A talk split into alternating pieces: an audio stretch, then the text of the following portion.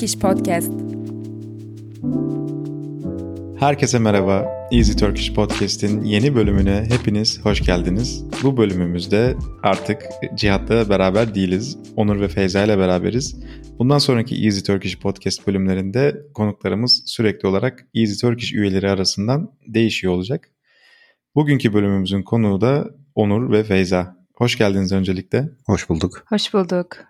Evet nasılsınız? Onur'la başlayalım. İyiyim teşekkür ederim. Sen nasılsın Emin? Ben de iyiyim teşekkür ederim. Feyza sen nasılsın? Ben de iyiyim gayet. Şimdi bu benim üçüncü katılışım oldu galiba.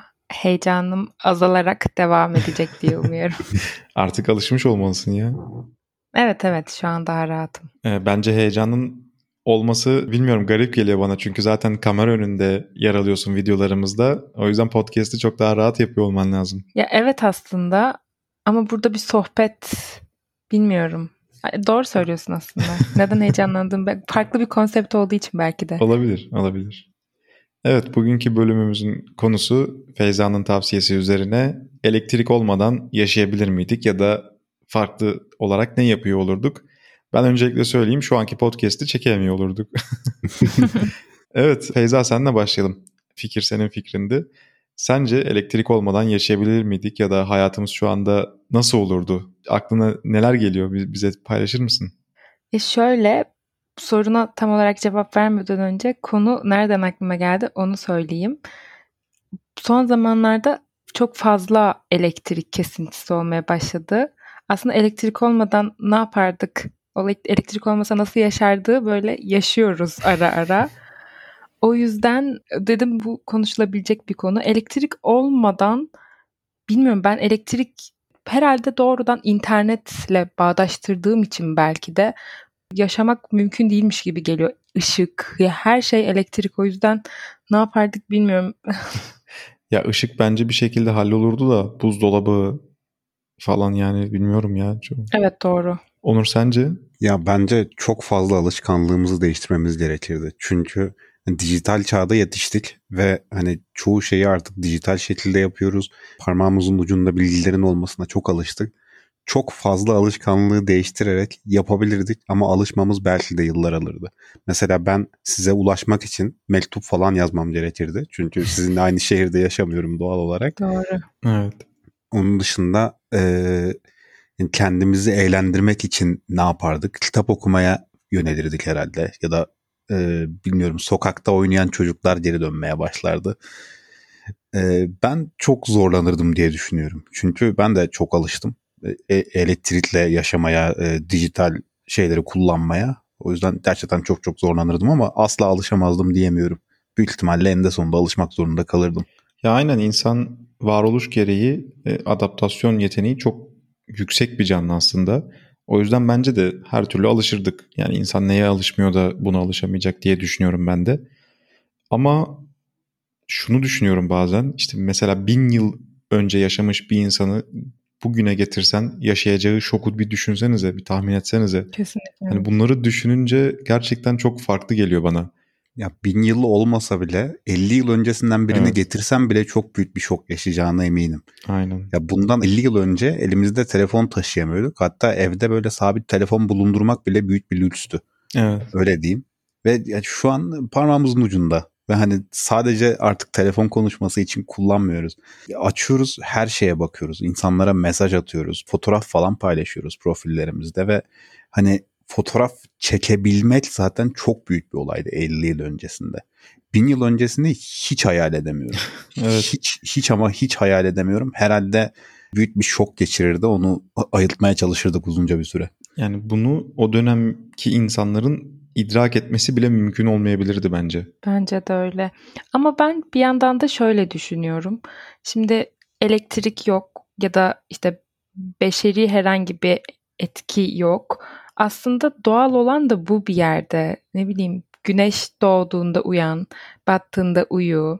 Ya hayatını ona göre, doğaya göre ya da etrafındaki doğal şeylere göre şekillendirmek aslında sanki normal olan.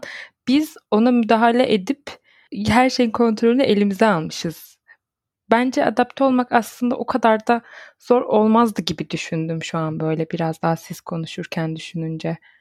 Ben şunu düşündüm. Yani mesela eskiden mum bile bulunmadığı dönemlerde yani insanlar kendileri bir şekilde ışık elde edemediği dönemlerden bahsediyorum. Çok kuzeyde veya güneyde yaşayan insanlar çok limitli bir güneş olduğunda ne yapıyorlardı acaba? Hmm. Hani acaba gerçekten güneş battığında yatıyorlar mıydı yoksa ay ışığıyla işlerini halletmeye mi çalışıyorlardı? Bence ekvatora göç etmeye çalışıyorlardı büyük oranda. o da olabilir. Muhtemelen. Ama e, potansiyel tehlikelerden dolayı sonuçta herkes ekvatora göç etmeyi deniyor diye düşünsek hani kuzeye göç etmek isteyenler acaba yine de dediğin gibi hani böyle yaşanmaz deyip ekvatora doğru mu göç etmeye çalışıyorlardı acaba? Yani çok büyük ihtimalle çünkü hani kutuplara yaklaştıkça zaten bir şeyler yetiştirmek de zorlaşıyor doğal olarak. Tarım anlamında insanlar zorlanıyor. Onun dışında gerçekten bazı yerlerde güneş günlerce belki aylarca batmıyor ya da bazı yerlerde de güneş aylarca doğmuyor. Evet. O e, durumlara adapte olmak çok zor olur gibime geliyor. Ve hani büyük ihtimalle göç etmeye çalışırlar.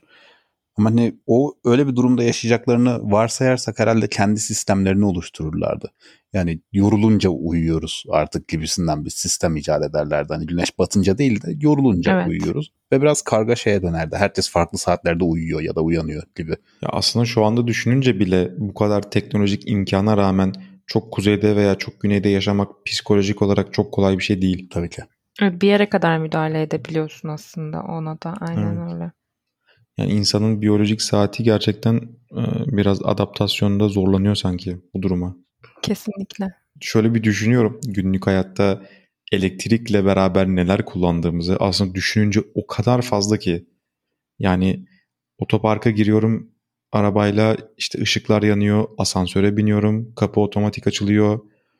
Evde klima var, vantilatör var, yine ışıklar var, buzdolabı, ocak, fırın, çamaşır makinesi, bulaşık makinesi, bilgisayar, internet, şarj aletleri, televizyon hani saymakla gerçekten bitmiyor. Ya en ufak bir elektrik kesintisinde bile bir saatlik hayat gerçekten felç oluyor. Yani bunu siz de yaşıyorsunuzdur herhalde. Aynen öyle. Yani %100 felç olmuyor. Telefonunda ne kadar şarj kaldığına bağlı genelde. evet. Ama hani, telefonda hiç şarj yoksa hani tamamen şeyi hayal edelim mesela. Cep telefonlarının popüler olmadığı ya da akıllı olmadığı zamanları hayal edelim. O zamanlardan elektrik kesintilerini az çok hatırlıyoruzdur. Ya genelde sosyal bir ortam oluşuyordu ilginç bir şekilde. Yani ev halkı e, birazcık daha izole takılırken bir anda elektrikler kesilince herkes bir anda bir odaya toplanıyor ve ya sohbet ediliyor ya da sosyal oyunlar oynanmaya başlıyor. Atıyorum kart desteleri çıkarılmaya başlanıyor ya da kağıt oyunları, e, masa oyunları çıkarılmaya başlanıyordu. Yani bir, an, bir yandan da öyle bir avantajı olabilir. Hani bizi birazcık daha birbirimize yaklaştırabilir. Sosyal yönümüzü tekrardan kazanmamızı ve güçlendirmemizi sağlayabilir böyle bir durum. Yani buna katılıyorum kesinlikle. Ee, ben de küçüklüğümden şunları hatırlıyorum. Mesela hep beraber televizyon izlerken elektrikler kesildiğinde benim şöyle triplerim oluyordu. Ee, ben mum ışığında kitap okuyacağım ya da mum ışığında ders çalışacağım falan. Hani hani o kadar saat çalışmadı, çalışmadı, çalışmadı ya da işte okumadı bir şeyler ama elektrikler kesildi ya bir anda içinden bir cevher çıkıyor ve ders çalışmaya başlıyor. Yani ders çalışmanın da çok bir anlamı olmazdı diye düşünüyorum. Çünkü şu anda e, derslerin çok büyük bir kısmı hani dijital hayatı öngörerek e, şey yapıyor. Hani okul müfredatlarının da çok büyük oranda değişmesi gerekirdi sanırım elektrik olmadan. Ve okul sisteminin her yerde akıllı tahtalar var artık. Evet. Evet okul zilleri yok mesela. Hani birisi çanla koridorda koşturması gerekecek mesela. Doğru. Aynen ya da hocanın inisiyatifine kalacak. Aynen öyle. Yani sadece evdeki hayat değil her yerdeki hayatın değişmesi gerekiyor. Yani mesela bütün ofis çalışanları işsiz kaldı. Düşün. Aynen. Ya buzdolabı yok ya düşünsene. Tabii. Evet bence de en sıkıntılı konu o ya. Gerçekten bazı besinleri tüketemeyeceksin. Evet. Ya market diye bir şey yok mesela. Sadece ufak tefek bakkal var. Ve tıp yani en ciddi anlamda tıp teknolojiye çok fazla bağlı bir şey şu anda. Ya yoğun bakım diye bir şey yok düşünsene. Yoğun bakım diye bir şey yok. Evet. Yani herhalde orta çağdaki gibi sülüklerle tedavi yöntemlerine falan geri dönmemiz gerekirdi. Evet. Ya da her şey için bir karışım, bir ilaç. Aynen. Bilmiyorum çok zor bir hayat gerçekten ya. Düşününce benim tüylerim ürperiyor ya. Ben hiç nostaljik yaklaşamıyorum bu konuya. Yani işte çok güzel olurdu bilmem ne falan. Ben hiç kesinlikle eski çağ insanı değilim ya. Ben teknoloji çağı insanıyım. Ben de katılıyorum. Bir de şöyle bir şey var. Evet kitap var. Okuyarak kendini geliştirebilirsin ama bir yerde de aslında cahil kalıyorsun. Senden böyle 100 kilometre uzakta bir şehirde ya da işte 200-300 kilometre uzakta bir şehirde ne olduğunu bilmiyorsun. Şu an haberler, o iletişim ağı hiçbir şey yok. Hiçbir arkadaşınla iletişim kuramıyorsun. Bence o garip bir şey. Mesela elektrik yok. Türkiye'de işte bir yerde yaşayan Feyza Amerika'da ne, ne olduğunu bilmeyecek. Bence bu da çok büyük bir lüks. Evet, Kesinlikle. Şey hatırlıyor musunuz? Giresun'da bir köyde insanlar bu işte 2016 yılındaki darbe girişimini bir hafta sonra öğrenmişlerdi. Evet. Evet ya. Evet. ya öyle bir hayat ya bilmiyorum. Bunun çok daha dramatik versiyonu tabii ki. Atıyorum düşünsenize işte doğuda kağıt bulunmuş ya da yazı bulunmuş. Senin hiçbir şeyden haberin yok. Doğru. Aynen öyle. Ve hani asırlar önce standart buydu aslında. Hani evet. Avrupa'nın Çin'den haberi yoktu. Çin'in Avrupa'dan haberi yoktu. Her şey böyle e, ticaret yollarıyla falan ulaşıyordu birbirine. Bütün haberler, e, ürünler, teknolojiler, egzotik baharatlar vesaire. Yani bunların hiçbiri mesela Avrupa'da yoktu ve böyle yıllar içinde falan ulaşıyordu.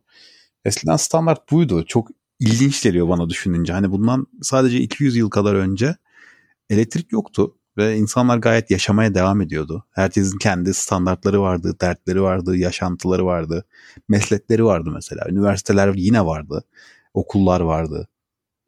Bana gerçekten enteresan geliyor. Hani şu anki hayatın biraz benzeri ama çok benzeri değil. Bir tık benzeri yine devam ediyordu elektriksizde. Evet. Ya şunu düşün mesela az önceki örneğinden yola çıkarak söylüyorum. Bir yerden bir yere gidilecek ve bu süre yaklaşık olarak 3 ay olsun. Bir haber iletilecek ya da teknolojik bir gelişme doğudan batıya aktarılacak. Abi 3 ay gidiyorsun, aktarıyorsun bu bilgiyi. Tamam çok iyiymiş diyorlar. 3 ay geri dönüyorsun. 6 ay oluyor. Bir bakıyorsun ki daha farklı bir şey bulunmuş 6 ayda. Bir de 3 ay onu geri götürüyorsun mesela. 9 ay sonra haberleri oluyor yeni bir şeyden. Evet. Aynen. Yani hem ömrün yollarda geçiyor hem de bir şeyleri duymak, güncel kalmak imkansıza yakın. Ya da işte Osmanlı Devleti'ni düşünün mesela bir yer işgal edilmiş. O yerin işgal edildiğini duyman, önlem alman, oraya ordu göndermen falan ne kadar uzun süre alıyor. Aynen gittin, önlemini aldın, merkezde isyan çıkmış. Gel onu düzelt. Aynen. bir ayda yoldasın. Aynen. Çok ilginç. Ya da mesela haber veren kişi öldü mesela. Ve haber verecek kişi. Hani ne bir haber var ne bir bir şey var. Yani bir de oturduğun yerden haber gelecek diye de beklemiyorsun ki. Biri geldiğinde mesela kapıya atlıyla geliyor şok oluyorsun mesela. Oha ne olmuş acaba? Hani bir de onun heyecanı var. Ceneviz elçileri gelmiş. Ne oluyor acaba? Aynen ben şu anda bile telefon çaldığında mesela geriliyorum acaba ne oldu diye. Düşünsene öyle oturuyorsun mesela 5 evet. aydır gelen giden yok. Kendi kendine geçiniyorsun bulunduğun işte surlar içerisinde. Attı geliyor bir anda. Hayda ne oldu acaba? Benim bir sorum var. Şimdi dedik ya bana çok korkunç geliyor. Hiç öyle nostaljik bakamıyorum falan. Mesela şu an bazı diziler var, filmler var. Örneğin aklıma direkt Game of Thrones geldi, canlandı. Elektrik yok. Öyle bir dönemde yaşıyorlar ama 8 sezon ağzımız açık izledik. Hiç de ben düşünmedim. Ben orada olsam ne yapardım diye de hiç düşünmedim yani. Böyle hatta şey de geliyor bize. Hmm, çoğu kişi özenerek de izliyordu. Ya bence ben olsam orada ne yapardım diye ben çok düşünerek izledim ya. Öyle mi? Ben hiç ya, ya her saniyesi savaşta geçiyor. Ne bileyim kuzeyden bir şeyler geliyor, güneyden bir şeyler geliyor. Biz hani 21. yüzyıl insanı olarak herhalde hiçbir şekilde adapte olamazdık. Ne yapacağımızı şaşırırdık diye düşünüyorum. Bence ilk ölen biz olurduk ya. Ya muhtemelen. Ya düşünsene şu anda mesela hayatında hayatta kalmak birinci önceliğimiz değil. Yani tabii evet. ki de bir şeyler yiyebilmek için çalışıyoruz falan ama yani bu artık nispeten daha kolay bir şekilde yapılabilir bundan çok çok öncelerine göre. O zaman da hayatın birinci önceliği para kazanmak falan değil yani. Hayatın birinci önceliği hayatta kalabilmek. Evet. Ya bunu yapabildikten sonra diğer şeylere odaklanıyorsun. Ama şu anda mesela düşünsene ya biz oturup burada yarım saat 45 dakika bir podcast bölümü kaydedebilme lüksüne sahibiz. Neden? Bu teknolojik imkanlardan dolayı. Ben bu rahatlığı ve imkanı hiçbir yani büyük konuşmayayım hiçbir koşul ve şart altında bilmiyorum değiştirmezdim ya. Siz ne düşünüyorsunuz? Yani ben hiçbir şekilde değiştireceğimi sanmıyorum. Hani senin de dediğin gibi hayatta kalmak gibi bir sorun söz konusu. Biz hani temel ihtiyaçlarımızın karşılanmasına alışmışız. Ve hani şeyi düşünemiyorum. Geçmişe gitmişim ya da fantastik bir evrene gitmişim Game of Thrones gibi. Ve hani bu kışın acaba soğuktan donarak ölecek miyim gibi dertler şu anda aklımın ucundan geçmiyor. Ben bu aklımın ucundan geçmemesini herhalde değişmezdim ya. O ortamı görmeye değmezdi herhalde. Aynen. Ve ben hatta arttırıyorum bunu. Yani kral olarak falan da istemezdim. Ben de. Biz şu anda büyük ihtimalle o dönemki krallardan falan çok daha iyi şartlarda yaşıyor olabiliriz ya. Evet olabilir. Sen Feyza peki sen ne düşünüyorsun? Bilmiyorum ben düşünüyordum da sanki yani bu kadar şımarmak diyeceğim. Yani bu lükse alışkanlık çünkü. Hepimiz o haldeyiz gerçekten. Dertlerimiz o zamandaki dertlerle kıyasladığımızda hiç kalıyor. Yani bilmiyorum şu anki dertleri falan düşününce de biraz ı, yaşam gayesi gibi konseptlerde bence sıkıntılar çıkıyor. Evet. O zaman düşünmeye hiçbir şekilde vaktin kalmıyor. Evet. Bu dönemde de düşünmekten insan kafayı sıyıracak noktaya gelebiliyor. Aynen öyle. O zaman ben sizlere bir soru sorayım. Şimdi atıyorum tam şu anda elektrikler gitti. Bir daha asla geri gelmemek üzere. Elektrik derken hani elektrik kesintisi değil bildiğin dünyadaki bütün elektrik bir anda yok oldu ve asla geri gelmemek, tamir edilememek üzere. İlk yapacağınız şeyler ne olurdu? Atacağınız adımlar veya yani ne yapardınız tam olarak? Çok merak ediyorum. Zor bir soru. Evet. Pil falan geçerli mi? Yok hayır. Elektrik yok artık. Şey de mi? Telefonlar falan da gitti o zaman. Her şey gitti. Ee, çok zor. Çok zor evet. Ben kendimden örnek vereyim mesela. Ee, benim yapacağım ilk şey herhalde e, yiyecek stoklamak olurdu. Yani konserve yiyecek stoklamak olurdu daha doğrusu. Elime geçebildiği kadar konserve yiyecek ele geçirmek. Çünkü buzdolabı da yok artık. Evet. Ocak kullanamayacaksın. Aynen, aynen ocak kullanılamayacak. Ve hani ateş yakmanın mesela yollarını düşünürdüm. Kibrit falan stoğu yapardım diye düşünüyorum.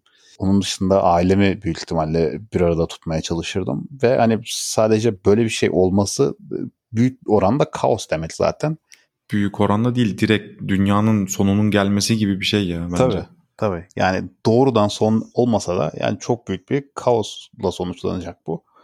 O yüzden hani hem aileyi bir arada tutmak hem de hani insanları e, doğru insanları seçmek, doğru insanlara güvenmek gibi dertler olacak. Hı. Yani bu kıyamet sonrası senaryolarına dönerdi büyük ihtimalle televizyonlarda veya kitaplarda sık sık gördüğümüz. Ya düşünsene hiç kimse birincisi sevdiğine ulaşamadığı için yollara dökülecek. Sadece onun kaosunu düşünsene. Hı. Tabii ki. Evet. Ama ben bilmiyorum yanlış mı düşünüyorum? Şu an insanlığın geldiği seviyeye bakınca ben bunun çözümünün bir şekilde bulunabileceğine inanıyorum. Belki biz ona vakıf değiliz belki ama yani ne bileyim elektrik evet bir kaynak ama başka şeylerle şey yapılabilir, değiştirilebilir. Ama insanları sakinleştirmek için elinde bir materyal yok. Evet. Medeniyetin çökmesini nasıl önleyeceğiz? Yani önemli olan o. Yani birilerine çıkıp ya bak sakin olun e, insanlar şu anda bunu çözmek için çabalıyor diye kimseye laf anlatamazsın ki. Çünkü bunu kitlesel olarak yapamıyorsun. Evet. 3 ay sonra elçi gelip o söyleyecek. Aynen. İyi de pandemiyi düşünün mesela. Tabii ele, farklı bir şey de o da kitleleri şoka sokacak bambaşka yepyeni bir süreçti. Kaos olmadı. Olmadı mı? Bence oldu ya. Yani bence kaostan neyi anlıyoruz, ne kastediyoruz? Marketlerdeki kuyruklar. Hatırlamıyor musun? Maske bulmak için olan ku- şeyler, kuyruklar falan. Hmm. Eline lup lup alan bir abimiz vardı mesela. Evet o ilk an. Evet doğru onu unutmuşum bak. Gerçekten. doğru doğru bak onu unutmuşum haklısın. Yani şeyi hatırlıyorum ben o pandemi döneminde makarna reyonları sıfır. Evet. Bak hiç makarna kalmamış. Bu makarna üreticileri başkanı mı ne öyle biri varmış. Öyle birinin var olmasına da çok şaşırmıştım bu arada. Demişti ki yani hiç sıkıntı yapmayın gerekirse ülkeyi makarnaya boğarız Evet diye bir açıklama yapmıştı. Aynen. Bu benim o dönemde aradığım muhteşem bir açıklamaydı. Bak hiç şey değil. Halkımız panik yapmasın. Gerekli önlemleri alıyoruz. Mesela bu tatmin edici bir açıklama değil. Ama ülkeyi makarnaya boğarız. Beni çok rahatlatmıştı. Evet, çok sakinleşti, telkin edici bir şey ya. Hani Aynen. normalde hani e, telaşlanmayın e, yeterince makarnamız var demet yerine abi bu ülkeyi makarnaya boğarız. Hani gerçekten hani insana bir rahatlama geliyor. Aynen. Elektriklerin gitmesi halinde de bu minvalde bir şeye ihtiyaç. Kesinlikle ama işte bunu duyurmak çok sıkıntı. Yani bağırarak en fazla 100-200 kişiye duyurursun yani. Zor evet doğru. Tabii. Ya pandemiyi zaten daha az hasarla atlatmamızın sebeplerinden bir tanesi hani medeniyeti ayakta tutarak atlatmamızın sebeplerinden bir tanesi elektrik zaten. Bence de. Çünkü hani önlemleri internetten paylaşabildik. Doğru. E, yapılması gerekenleri paylaşabildik. Ne bileyim organize olabildik. Şimdi şey diyorum. Orta çağdaki Karahummayı el diyorum. Avrupa nüfusunun üçte ikisini silen o büyük vebaya Hı hı. diyorum. Hani orada bir mesela bir Twitter'da ellerinizi yıkayın diyen biri yok. Ya da ne Yok, bileyim evet. sokağa çıkmayın diye, diyen biri yok. Kimse ne yapacağını bilmiyor. Herkes atlılar falan gezip böyle şey yapıyor. Burada veba görülmüş, şurada veba görülmüş diye. Ve hani Atlı'nın zaten onu gelip söylemesi iki hafta belki üç hafta falan filan ve. Karaumma zaten ulaşmış oraya çoktan. Evet. O yüzden hani pandemiyi medeniyet yıkılmadan halledebilmemizin sebeplerinden bir tanesi elektrik. Elektrikli olmadan da nasıl yaparız hiç bilmiyorum. Evet çoğumuz teknolojiye doğduk gerçekten elektriğe doğduk artık.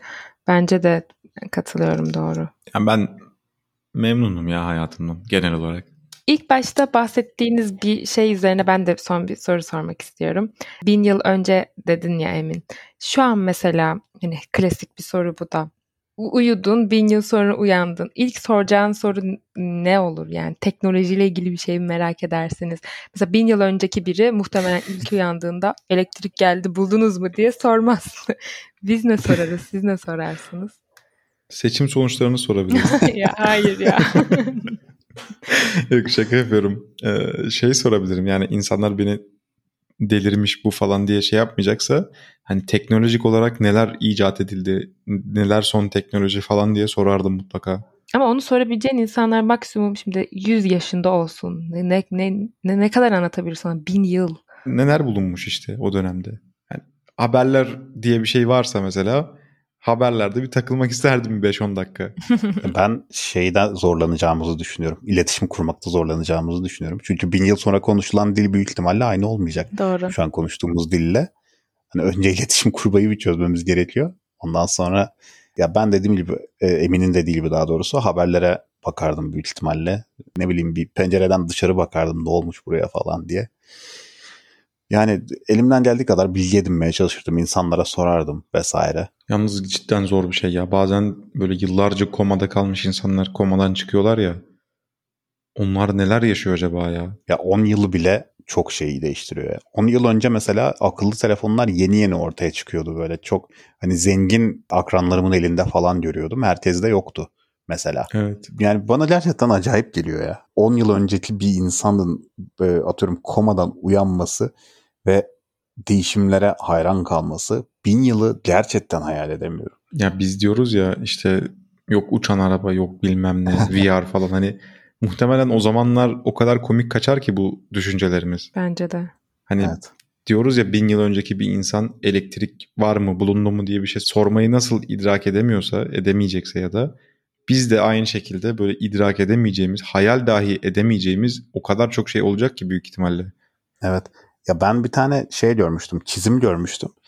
1900'lü yıllarsa, 1900'lerin başları mı 1800'ler mi yalan olmasın. Bir çizim yapmışlar. 2000'li yıllarda insanlar nasıl yaşayacak diye. Ve hani 1800'lü 1900'lü yıllara özgü o kadar çok şey var ki. Mesela böyle kağıttan kanatlar falan çizmişler insanların üzerine. Ee, ne bileyim zeplinler falan çizmişler, balonlar çizmişler vesaire. Buharlı cihazlar falan çizmişler. Yani adamlar gerçekten hayal edememişler şu anki şartları. Ve biz de hayal edemeyiz diye düşünüyorum. Ben o yüzden biraz üzülüyorum ya. İleriki teknolojileri göremeyeceğiz yani. Sonuçta insan hayatının bir belli bir sınırı var. Ben o yüzden üzülüyorum biraz. Benim belki biraz alakasız olacak ama teknoloji konusunda wow dediğim e, saçma bir anım var. Küçükken Jetgiller'i çok izliyordum. Tekrar falan yayınlanıyordu herhalde. Benden çok çok eski çizgi film de Jetgiller. Jetgiller'de bu havaalanlarında olan yerde yürüyen merdiven gibi de yürüyen zeminler vardı. ben hep böyle şaşkınlıkla ağzım açık izliyordum. Ne kadar güzel bir şey. Hiç yürümüyorsun. Ee, çok çok değişik bir şey gibi geliyordu. Onu ilk gördüğümde o kadar şaşırmıştım ki ben bunu televizyonda görmüştüm demiştim. Yani o anı hiç unutmuyorum mesela. O benim için bir şeydi vay be. Evet. Düşününce çok saçma bir şey aslında. Hani evet. Bunu yine bin yıl öncesine gidiyorum. Hani bir insana göstersen bazen e, toplu taşımalarda falan böyle 20 metre için bile yapıyorlar ya. Hani ne gerek var aslında düşününce. Ama yani şov ya biraz da. Hani bak biz de bunu yapabiliyoruz falan. biraz da hani tembelliği beslemek gibi bir durum. Açıkçası hani insanlar zorlanmasın, yorulmasın vesaire. Evet. Ama biraz yorulabilmeliyiz bana sorarsan. Evet kesinlikle. Çok emeksiz bir şeyleri elde edebiliyoruz şu anda ya. Tabii ki. Ve hani emeğin de şeyi azalmaya başladı artık. Sarf ettiğimiz emek de azalmaya başladı. Bu da benim beni biraz şeye götürdü. Wall-E filmine götürdü. İzlemiş misinizdir bilmiyorum. Hı-hı. Orada mesela insanlar artık her şeyi yattıkları yerden yapabilmeye başlıyorlar ve kilo alıyorlar. Rahat hareket edemiyorlar falan filan. O yüzden hani teknoloji bir anlamda bizi de böyle bir evrimin içine sokuyor. O beni endişelendiriyor bir miktar. Evet. Bence de ben mesela görüyorum Amerika'da e, kimse yürümüyormuş bir yerlere. Kimse yani toplu taşıma falan da yok. Herkes 200 metre uzağa bile arabayla gidiyormuş. Bence Wall-E yavaş yavaş orada zuhur etmeye başlamış Amerika'da gibi hissettim. Yani e, lüks artınca e, tembellik insanı vuruyor gerçekten. Evet. Gerçekten ilginç ya. Evet, güzel bir sohbet oldu bence. Bir bölümümüzün daha sonuna geldik. Bizi dinlediğiniz için çok teşekkür ederiz. Onur ve Feyza size de katıldığınız için çok teşekkür ediyorum. Bir sonraki bölümde görüşmek üzere. Görüşmek üzere. Görüşmek üzere.